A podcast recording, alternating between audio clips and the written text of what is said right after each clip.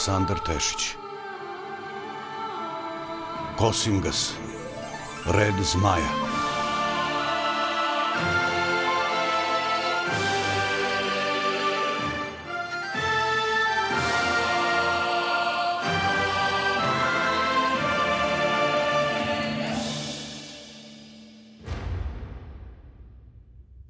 Епизода 9. Маглич. Kad smo prešli raskrsnicu gde se put odvajao levo za studenicu, uroni smo u mrkli mrak. Okrenuo sam se i pogledao u pravcu sela koje je već nestalo u mraku i načas pomislih da bi možda bilo bolje da smo sačekali zoru. Ali setivši se plemenitog deroma, odagnah te crne misli i usredotočih se na put pred sobom.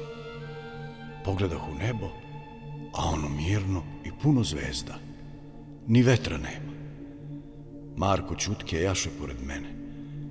Ponekad bih pomislio da možda spava u sedlu, ali kad bi se trgnuo na neki šum u mraku, bilo je jasno da je strah jači od sna. Ne beše nam do priče, a i noću se razgovor na daleko čuje, pa je dovoljno što su šarac i coka bili bučni. Ne znam šta je bilo gore. Da li kad reka toliko huči zbog brzaka pa se ništa ne može čuti, čak ni medved koji bi mogao da hoda iza nas, ili kad teče mirno pa naši koraci odjekuju pustim putem i po brdima koje se uzdižu s obe strane. Čovek noću ne treba da putuje, to je stara mudrost. I često ga nešto lupi po glavi kad čini drugačije. Možda je prošlo sat vremena od našeg polaska kad smo prošli onim delom puta gde je reka mirna i tiha, koju meštani zovu kazan, kad između drveća na obali opazi smo neku vatru. Nismo jedine sakalude koje putuju noću. Ali meni nešto ne bi pravo, već me je tištilo i unosilo mi nemir. Coka nije reagovao, pa me to malo umiri, ali intuicija mi stade govoriti ne prilazi. Ali bi kasno. Već na sljedećem koraku odande se začu pesma. Ali kakva to pesma beše? Melen za uši i za dušu. Ženski glasovi koji se dopunjavaše nežnije od jutarnjeg šumskog cvrkuta, budeći u čoveku neodoljivu želju za ženom. Melodija nije prestajala i kroz rastinje razazna smo obnažena ženska tela kako plešu oko vatre. Coka i šarac se ukočiše u mestu, a Marko, opijen pesmom, ostavi uzde i bez reči krenu prema vatri na obali. Gledam u njega kako odlazi, a vučem coku koji neće da mrdne. Na kraju ostavih magarca i krenu za Markom, ne bih li ga zaustavio. Kao da ne znam da opijen vilinskom pesmom ne čuje i ne vidi ništa drugo do obnažena ženska tela kako se presijavaju mokra oko vatre. Moja je sreća u nesreći što ta pesma na mene nije delovala, a i to najvjerovatnije mogu da zahvalim mom nespavanju. Jednom su mi patuljci rekli da mnoge čarolije deluju poput sna, da uspavaju čoveka kako bi upravljale njime. Posle 20 godina nespavanja već sam zaboravio kako san izgleda. I verovatno s toga neke čarolije na mene nisu imale uticaja. Kako videh da Marko nezaustavljivo korača ka vilama, pomislih da je možda bolje da se u početku ja pravim da sam omađijan pesmom ne bili otkrio njihove namere pa tako i uradim. Uputih se zajedno s njim prema razigranim i raspevanim vodenim vilama. Ko nije video rusalke, taj ne zna šta je lepa žena. Ali koliko su lepe, toliko su i smrtonosne, jer njihove žrtve obično završe na dnu reke ili jezera, dakle su oni i izašle. Jednom sam ih, pre deset godina, posmatrao kako plešu na obali Morave, ali nikad ih nisam video ovako, isprisan. Marko i ja priđu smo vatri, a desetak rusalki uzviknu od sreće što nas vide i obavijaše nas svojom pesmom i svojim kolom. Ja sam gledao u Marka i oponašao ga, čekajući da vidim šta će uslediti. Devojke zaplesaše oko nas i rukama nas milovaše po kosi, po licu i po rukama. Mamile su nas k sebi, a onda bi se odjednom sklonile u skikotanje. Monah jesam, ali ne bi mi sve jedno da gledam te lepa tela, bujne grudi i nasmejana lica. Ali govorih u sebi da su to djevolice i samo čeka kad će da nas povuku u vodu. Setih se da pelin trava razbija njihovu čaroliju, ali svežanj mi je ostao na coki, a magarac pametan pa nema nameru da prilazi rusalkama. Može samo da pobegne niz put. Poneka bi nam se vila unela u lice i poljubila nas, a nama bi ruke same krenule da ih zagrle. Od požude nema jače čarolije i carstva su padala zbog lepih žena. Pa kako ne bi jedan vitez ili jedan monah? Stadoše da nas vuku levo, desno, da nas čupkaju za kosu, da nas miluju po licu i zadirkuju sve uz neprekidnu pesu i smeh. Videh da je vrag odneo šalu kad je Mark ostao bez pojasa sa zmajatom i onako razoružan zablejao za ovim devojčurama. Zato zamantijam levom rukom, a desnom potegnem kurjer, pa oštar vrh mača uperim u vrat najbliže rusalke. Kad blesnu ljuti mač iz majeva verižnjača na svetlo od plamena, rusalke uglas prisnuše. Ne odvajah pogled od rusalke koji vrh mog mača stoji uz vrat, ali bio sam spreman da se branim od drugih. A ona lepša od najlepše koja stajaše do nje, stvorko mi ni oružje ni čarolije ne trebaju, jer dovoljan je samo treptaj ta dva zelena oka pa da razoruža i najodlučnijeg muškarca. Crvena kosa je padala do pola leđa, a uvojci su se kao bršljen omutali oko bujni grudi i mami svojim otrovom. Duge noge savršenog oblika, koje pamet mute. Vaša pesma na mene ne deluje, ali zato kurijak deluje na vas. Rekoše nam da možda pesma neće delovati na tebe. Kosinga se. Kosinga se. Ali ne poverova smo im, nego rekoh im, ako ga pesma neće zavesti, možda će ga požuda obuzeti.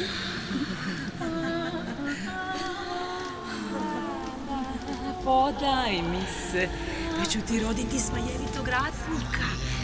Kako svet nije video, bit ću ti otac celog života.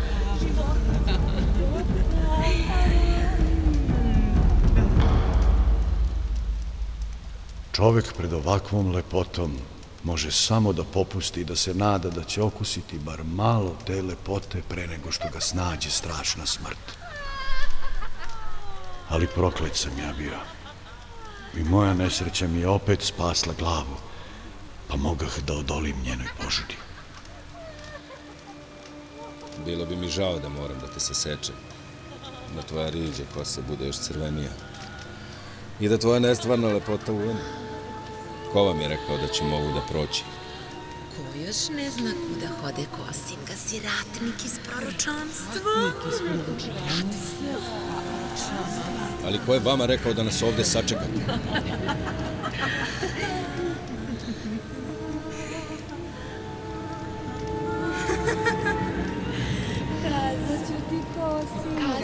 Ti, Kosinga. Da bi znao ko vam još radi u glavi. Poslala nas je naša kraljica Milina. Po nagovoru kralja Sabana. Kralj Vodenjaka. Zašto bi se on petljao s Todorcima? Vi nikad niste bili u savezu sa njim. Proročanstvo kaže da je doba vatre početak našeg kraja. A vremena za saveze uvek ima. Kralj Saban kao da ne zna da se Todorcima ne može verovati. Oni bi ih prvom prilikom pobili, a vas Rusalke porobili i odveli u ad. Pakt je zapečaćen krvlju i dat na čuvanje divovima. Zar su i oni u savezu s Todorcima? Više ti neću reći Kosinga se. Ti kao da imaš neku mađiju nadamnom kada sam ti ovoliko rekla. Pi me ako hoćeš. Ajme, ako hoćeš. Kao što sam rekao, ubiti vas neću. Iako ste vi nas htjele da podavite. Nego odlazite i više nam ne stajite na put.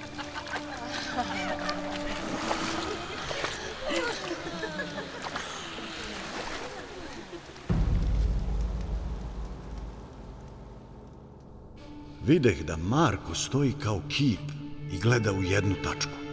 Pa brže bolje otrčah do coke i šarca po pelinu. Ne bih li ga izvukao iz te omađijanosti, jer poznato je da ljudi i nakon susreta s rusalkama mogu ostati pod čarolijom i s vremenom umreti. Zato vešti čarobnjaci ili vračare uvek savjetuju da se na dalek put ne ide bez pelina, jer se jedino žvakanjem te trave može razbiti pospanost ili razigranost rusalki. Kažu da je dovoljno samo da se nosi u zase. Doveduh coku i šarca do vatre, a za Marka iz malenog svežnja uzeh prstohvat pelina, pa mu ga ugurah u usta i stavih mu ga malo pod nos. Kraljevi stade da mreška nos i ubrzo poče da žvaće travu.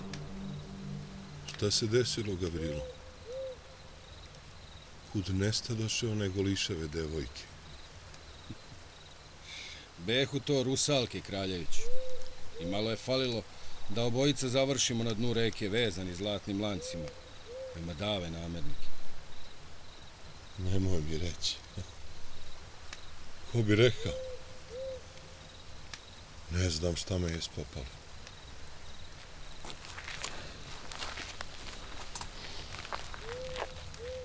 Bilo bi bolje da smo sačekali zoru, a ne da putujemo noću. Tako je. Ali da smo to uradili, ne bismo saznali još ponešto o našem neprijatelju. Zavera se širila među neljudima, a na njenom čelu bili su Todorci. Svi su strahovali od početka doba vatre, a mi smo izgleda bili oni koji su najmanje znali o tome. Moramo naći načina da saznamo više. Jedini koji nam mogu pomoći su patuljci, ali su njihove nasobine dobro skrivene. A jedino rudarsko naselje koje znam je u Omuljima.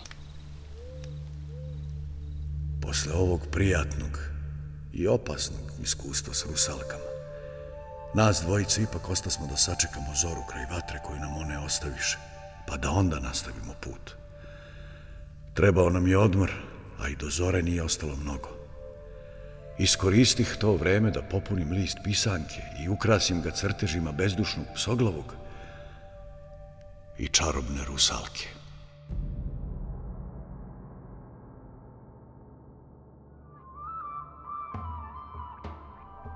Bilo je podne kad nam se Maglić ukazao iza jedne okuke. Put do utvrde bio je čak prijatan. Usput, u nekoliko navrata sreto smo trgovce koji su se vraćali iz Maglića ili čak iz Žiče. Bilo je rudara Sasa koji su se zaputili od Rudnika do Novog Brda. Sa svakim bismo razmenili poneku reč, uglavnom razne novosti i po koju reč o bezbednosti na putu. Razbojnici nisu bili redki čak ni blizu utvrda, pa su ih se svi putnici pribojavali. Neki su imali oružanu pratnju, a drugi ne. Maglić beše snažna utvrda. Dao ju je sagraditi arhijepiskop Danilo II, a u njoj i svoju palatu i crkvu posvećenu svetom Đorđu, osnivaču našeg reda.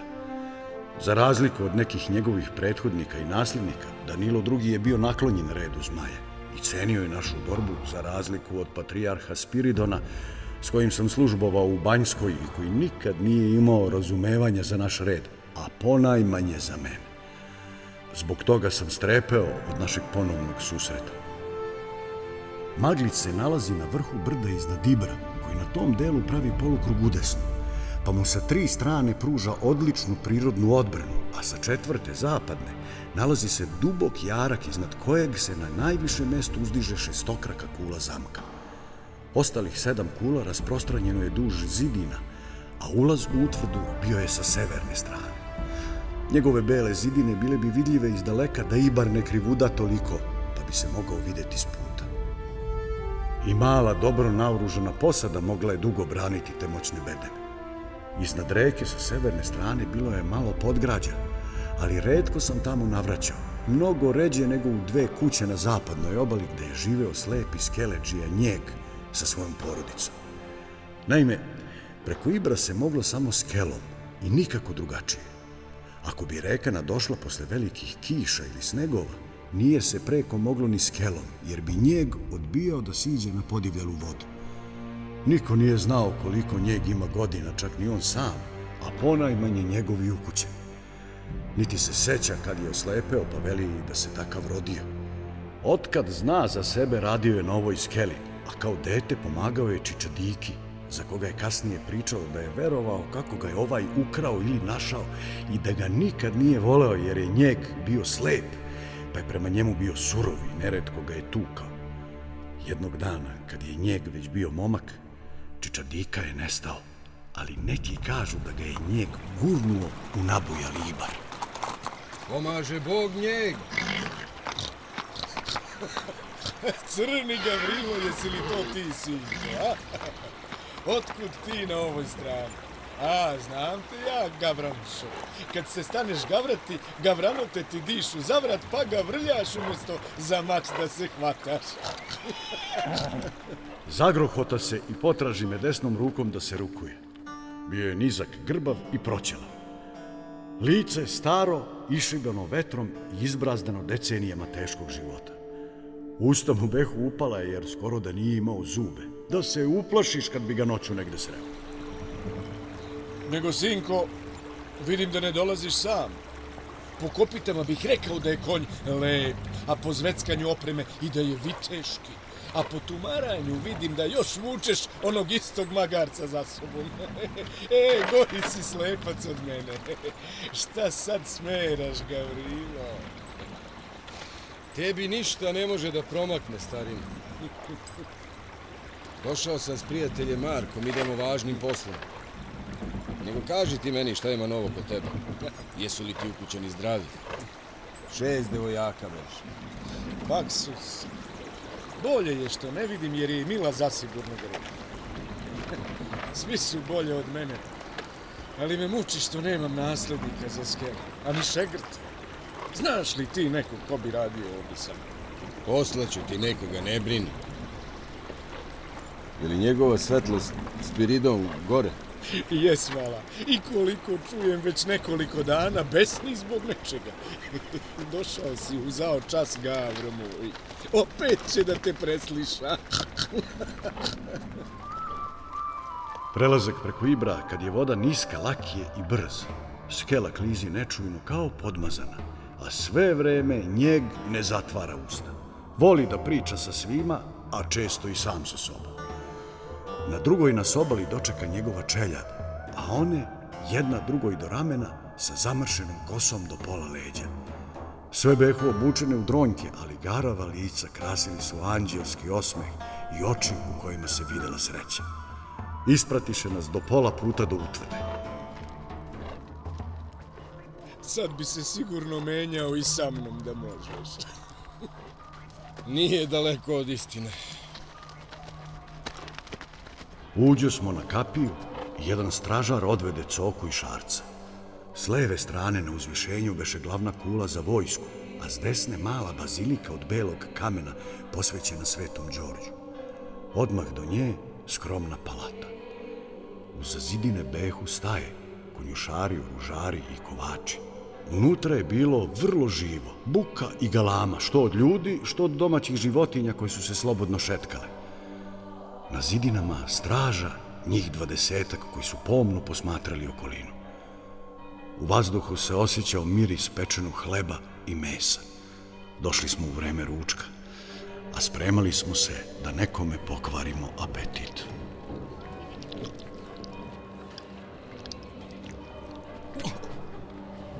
Ko? Gavrilo! O, Bogu, Ugrine, šta te je spopalo? Pa nije da se toliko dugo nismo videli. Ugrin je bio možda najstariji sveštenik u crkvi, imao je 83 godine i bio bliski savjetnik i prijatelj patrijarha Spiridona. Ako bi patrijarh ikoga poslušao, bio bi to Ugrin. Ali on je to umeo da ceni i da zahvalnost izražava zdravim i razumnim savjetima. Za svoje godine se vrlo dobro držao i lično je služio patrijarha, iako je ovaj u nekoliko navrata tražio mlađe pomagače. Moram da ga držim na oku, namigivao bi. Njegovo blaženo lice sjelo je dobrotom i neiskvarenošću, a važio je za vrlo milostivog prema sirotinji, a posebno prema deci. Onižeg rasta i okruglog lica uživao je u jelu i piću, pa nije bio mršav kao većina sveštenika. Pričalo se da je umeo da svrati i u krčmu i dobro se omrsi. Gavrilo, sinko. Juče nam neki trgovci u prolazu kazeše kako su čuli da si stradao na jezeru putujućih ostrova. Navodno je neki lovac video kako te je maut smotao. Neko širi priče ugrine. Neko ko bi voleo da je tako. Ali kao što vidiš ovde sam ti s kraljem Markom. Ali Mauda više nema. A znači li to da... Tako je, zmajat je u rukama ratnika iz proročanstva. Rukama kralja Marka. Mislio sam da ovaj dan neću doživjeti. Da zmajat nikad nećemo preoteti mautu. E, Znači, stara až da je dolijala. sad, mi je, sad mi je nekako i žao. Ali kako? Zmijavom, kako drugačije. Kad smo čuli da ste se sastali ti i Lazar i Marko na Đavoljoj varoši, sve nam je bilo jasno. A Spiridon, otac besni, ljuti se, što je Lazar potražio savet od nekakve vračare, ne od njega. Ja. I što je poveo tebe, Gavrilo. Ti znaš da on odbija da razgovara o tome. Hoće sebe da ubedi da ne veruje. Hmm.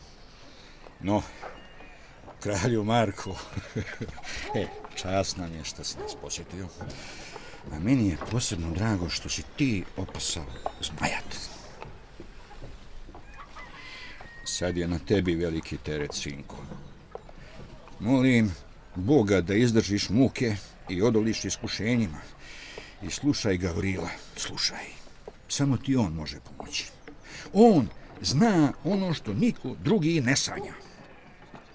Je li njegova svetost unutra? Jeste, ruča. Bolje da sačekate. Nemamo vremena da čekamo, ugrine. Vreme nam izmiče.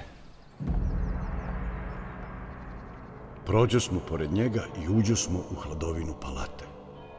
Osjeti smo miris sveća i tamjana, a svežina debelih zidova prijala je posle letnje vreline.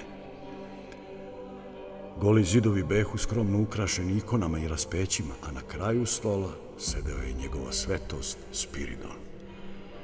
Sede kose i sede brade delova je starije od svojih 50 godina. Lice mu se smrači kad me ugleda na vratima i on spusti pogled u svoj tanjir. Ali kako ču još neke korake osim mojih, opet diže pogled i osmehnu se ugledavši kralja Marka. Brže bolje ustade, obrisa usta i ruke i pođi nam u susret raširenih ruku kao da će nas obojicu zagrliti. Ali mene zagrljaj mimo iđe. Patrijarh prođe i ne pogledavši me, nego se obradova Marku. Marku kleknu i poljubi ga u prsten, a Spiridon ga očinski potapša po ramenima. O, ho, ho. Dobro nam došao kralju Marko. Ovo je prijatno iznenađenje. Ne stiže nam nikakva reč da ćeš nas posjetiti. Priredili bismo ti prikladan doček. Verujem da bi i Lazar došao. Ajde, sedi. Sedi. Sigurno si umoran od puta i gladan. Hvala svetosti. I izvini što dolazimo nenajavljeno. Ali putujemo u tajnosti i važnim poslom. Gde nestade Ugrin? Kazat ću mu da te posluži. Zna li nas knez Lazar da si u posjeti? Je li mu je dojavljeno? Sreli smo se s njim na Đavoljoj varoši. Zatim smo se razišli svaki svojim poslom, a sad mu moramo poslati poruku odatle. Šta ste pobogu radili na tom ukletom mestu? Zar nemate pametnija posla? Neprijatelj nam je na pragu, a šta knez radi? Rekao sam mu više puta, kneže mani se kerefeka, nego se spremaj za rat. Ne slušaj zle savete od nekih izroda, već misli kako da spaseš svoj narod. Ali džabe ja pričam. Nije baš tako svetosti. Teška su vremena i svaki savjet je dobro došao. Pa zar savet od nekakve vračare, kralju? Kakav savet možeš dobiti od te babe? Šta ona zna? Pa, čuli smo korisne stvari, važne, o o ratu, o proročanstvu. Dokle ću ja slušati te gluposti? Nije mi dosta što s mukom čupam staru veru iz duše ovog naroda i učim ga pravoj veri, nego se sad i vlastela zamajava sujeverjem. A na tebe ću da bacim anatemu. Tražio sam jednom od carigradske patrijaršije da te skomuniciraju, ali su odbili. Kažu, ne smeju. Tražit ću opet. Iako odbiju, ja ću bacit anatemu na tebe. Gde god se pojaviš, truješ ljude oko sebe. Zatrovo si Lazara, sad i Marka. Čak ti i neki sveštenici veruju.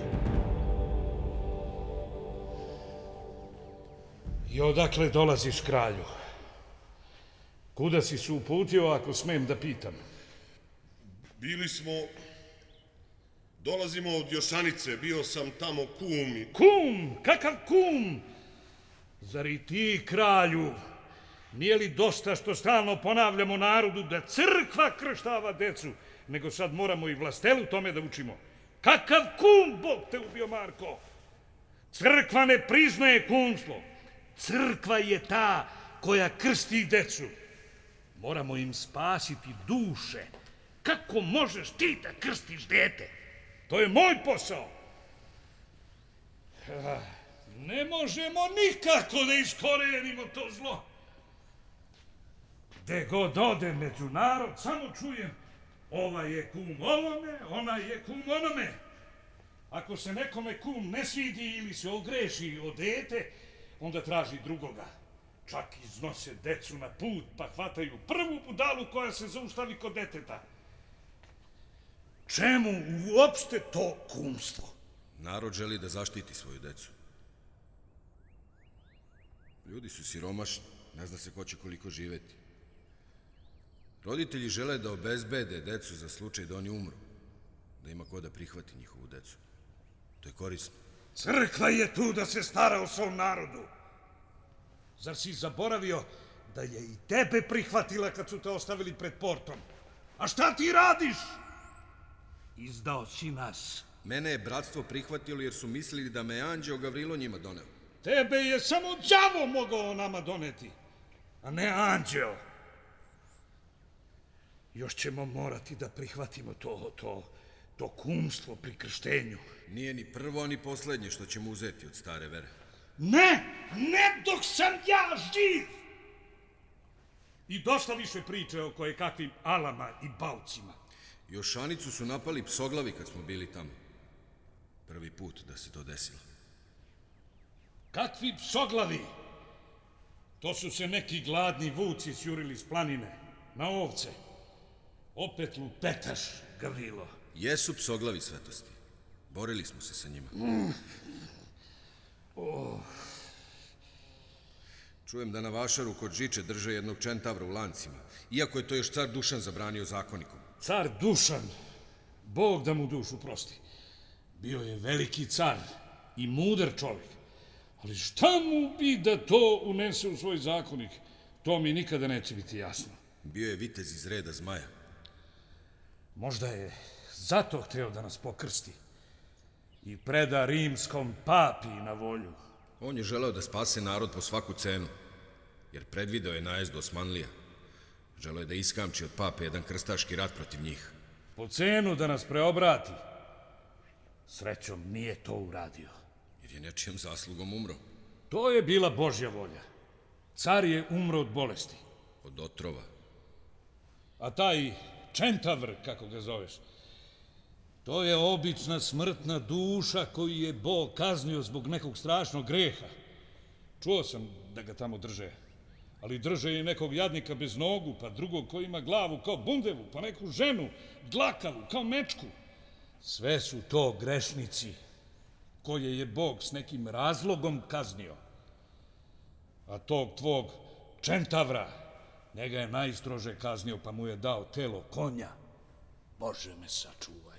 Morat ćemo da ga izbavimo iz tog robstva. Radi šta ti je volja. I onako nikoga ne pitaš, niti ikome polažeš račune.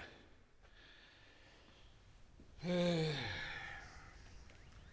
No, kralju, šta mogu da učinim za tebe? Nisi došao ovamo samo da bi me pitao za zdravlje. Hoćemo da pošaljemo poruku krezu Lazaru da ćemo za dva dana biti u Žiči i da ćemo tamo čekati njegov odgovor po prethodnom dogovoru. Poruka mora da se pošalje po brzoma, Berđi. Je li to neko tvoje maslo, Gavrilo? Pretpostavljam da mi nećete reći o čemu se radi. To su važna posla koja se tiču našeg reda. Idite sa Ugrinom. On će vam dati hartiju i mastilo za poruku i dovešće vam Aberđiju za kneza. Idite, jer sad ja imam važno posla. Ugrin nas odvede do svoje ćelije gde nam dade hartiju i mastilo pa napisa kratku poruku za Lazara. Poručih mu da ćemo biti kod starog zaveta blizu Žiče, na mestu gde smo se ranije sastajali da ćemo čekati pratnju s riznicom ili njegovu reč po Aberđiji. Zatim presavih hartiju na tri mesta, sipah voska sa sveće i utisnuh u nju pečat prsten našeg reda koji nosih na ruci. Umeđu vremenu, Ugrin nam dovede stasitog momka lako naoružanog i na konju kome dado smo poruku, a ovaj je stavi u nedra. Momčina hitro skoči u sedlo, podbode konja, prolete kroz kapiju i nesta. Pogleda Hugrina koji se tužno osmehnu i reče. I sad ćete i vi da odete. A kad biste bar mogli malo da noćivate ovde, da se ti i ja, Gavrilo, malo ispričamo. Rado, prijatelju. Ali Svetost nam nije ponudio prenoćište. A da odem da ga pitam. A, pa možda... Hvala ti na dobrim namerama, ali nećemo da mu smetamo ako mu već naše prisustvo nije povoljno. Idemo dalje. Nešto mi govori, sinko, da se više nećemo vidjeti. Zašto se ne bismo vidjeli? Ajde, ajde, u ostalom. U ostalom, to mi kažeš svaki put. Pa ipak obojica doživimo i naredni susret. Ne znam, ovoga puta... Pa to si mi rekao i prošli put. Ti se čuvaj, za mene ne brini. Neću ja da odem s ovog sveta dok ne završim posao. Dobro, dobro ako je tako. Ali ti malo odugovlači. Srećan put. Ajde, dobro mi ostaj. Opet se izgrli smo, a on izljubi Marka. Krenu smo prema kapiji gde su nas čekali Coka i Šarac. Znao sam da nas dobri Ugrin prati pogledom, ali nisam hteo da se osvrnem. Nikad se nisam osvrtao za nekim meni dragim mestima ili ljudima kad odlazim, uvek iz straha da to ne bude da ih posljednji put vidim. Vidim, hodaš na obe noge, ne vučeš ni jednu. I, I verovatno možeš sa obe ruke da se počešeš po glavi, jer ti ni jedna nije prebijena. Tako je, živ sam njeg, živ sam. Malo je falilo da ga njegova svetost zgromi. Ima i takvih nesrećnika. E, hoćete da vas prebacim prek? Ako ti nije teško, stari. Pa zašto bi mi bilo? I onako sam dokon. Ukrca smo se na skelu i krenu smo polako preko Ibra. Ne sjećam se šta je njeg pričao. Znam da nije zatvarao usta i da se čak i Marko prepirao s njim. Posmatrao sam njega, skelu i ovu reku. Pokušavao sam da zamislim ceo jedan život na ovom mestu, a njeg je bio srećan. Jednom prilikom, kad sam ga pitao kako uspeva da se izbori sa svim mukama i da zadrži osmeh, odgovorio mi je. Kad me pritisne neka muka, ako ne mogu da je rešim, ja više ne mislim na nju i čekam da prođe. Ha, mudrost mukom iskovana. Na drugoj strani reke se pozdravi smo snijegom, a Marko mu tutnu jedan mletački zlatnik u ruku koji je ovaj nekim čudom odmah prepozna po dodiru, pa ne htede da ga uzme, već se stade buniti. Njeg ne prihvata milostinju. Ja pošteno zarađujem svoj hleb. Ma ko ti daje milostinju, čoveče? Plaćam ti prevoz preko reke. Zar mletačkim zlatom, viteže? Nisam te prebacio preko Dunava. Dunav ili Ibar, sve jedno je. Kad ne možeš drugačije da pređeš. Dobro, deka ti tako kažeš, valjda bolje znaš. Krenu smo niz put, ali nešto me je nagnalo da se okrenem i pogledam u njega. Ulazio je u svoju skelu i pričao sam sa sobom. Zakleo bih se i da se smeje. Ili uvek tako nasmeja. On i njegova skela bili su deo ove reke i ovog brda sa utvrdom na vrhu. Više nisam video njega. Kad sam posle nekoliko godina opet dolazio u Maglić, skelom je upravljao neko nepoznat. Čak ni njegove porodice nije bilo. Kad sam neznanca pitao za starog skeleđiju, kazao mi je kako je njegova žena njemu ispričala da je godinu nakon našeg dolaska on jednostavno nestao bez traga i glasa. Ali je njihovo najmlađe čeljade posvjedočilo da je te noći u daljini čula neku žensku pesmu i da je videla kad joj je otac izašao iz kuće da se više ne vrati. Bilo mi je žao starog skeleđije, pa se nesetih da pitam neznanca za njegovo ime. Nije ni bilo važno. Više se nisam vraćao u Magrić. Ali dok smo prelazili Ibar, skela je pod njim škripala, kao da je tugovala za njegom.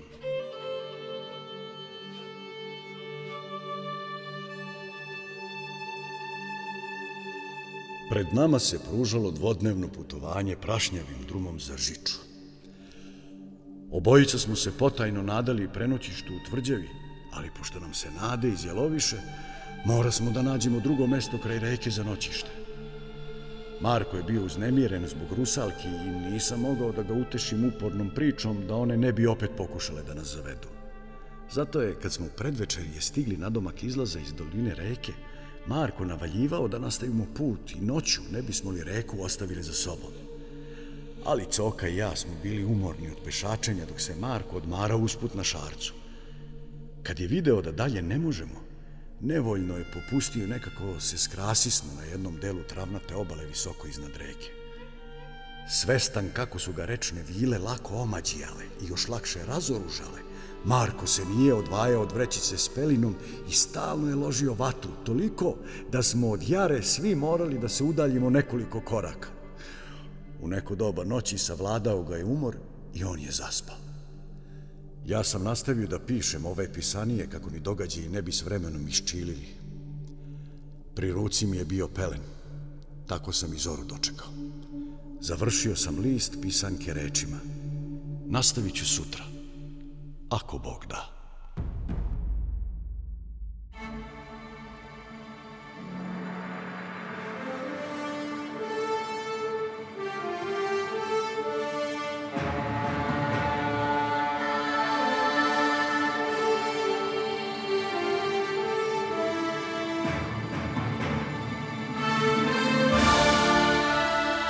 Slušali ste devetu epizodu Kosingas Red zmaja Aleksandra Tešića.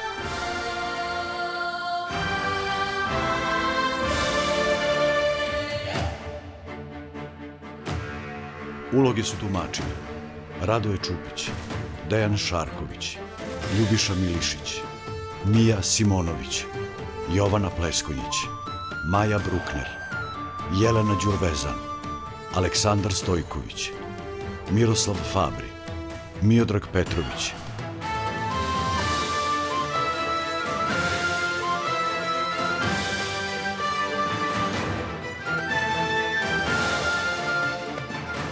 Dizajn zvuka Aleksandar Marković. Ton majstor Milorad Ićitović. Reditelj Manuel Srbin. Kompozitor Nikola Jeremić. Organizator Suzana Simić.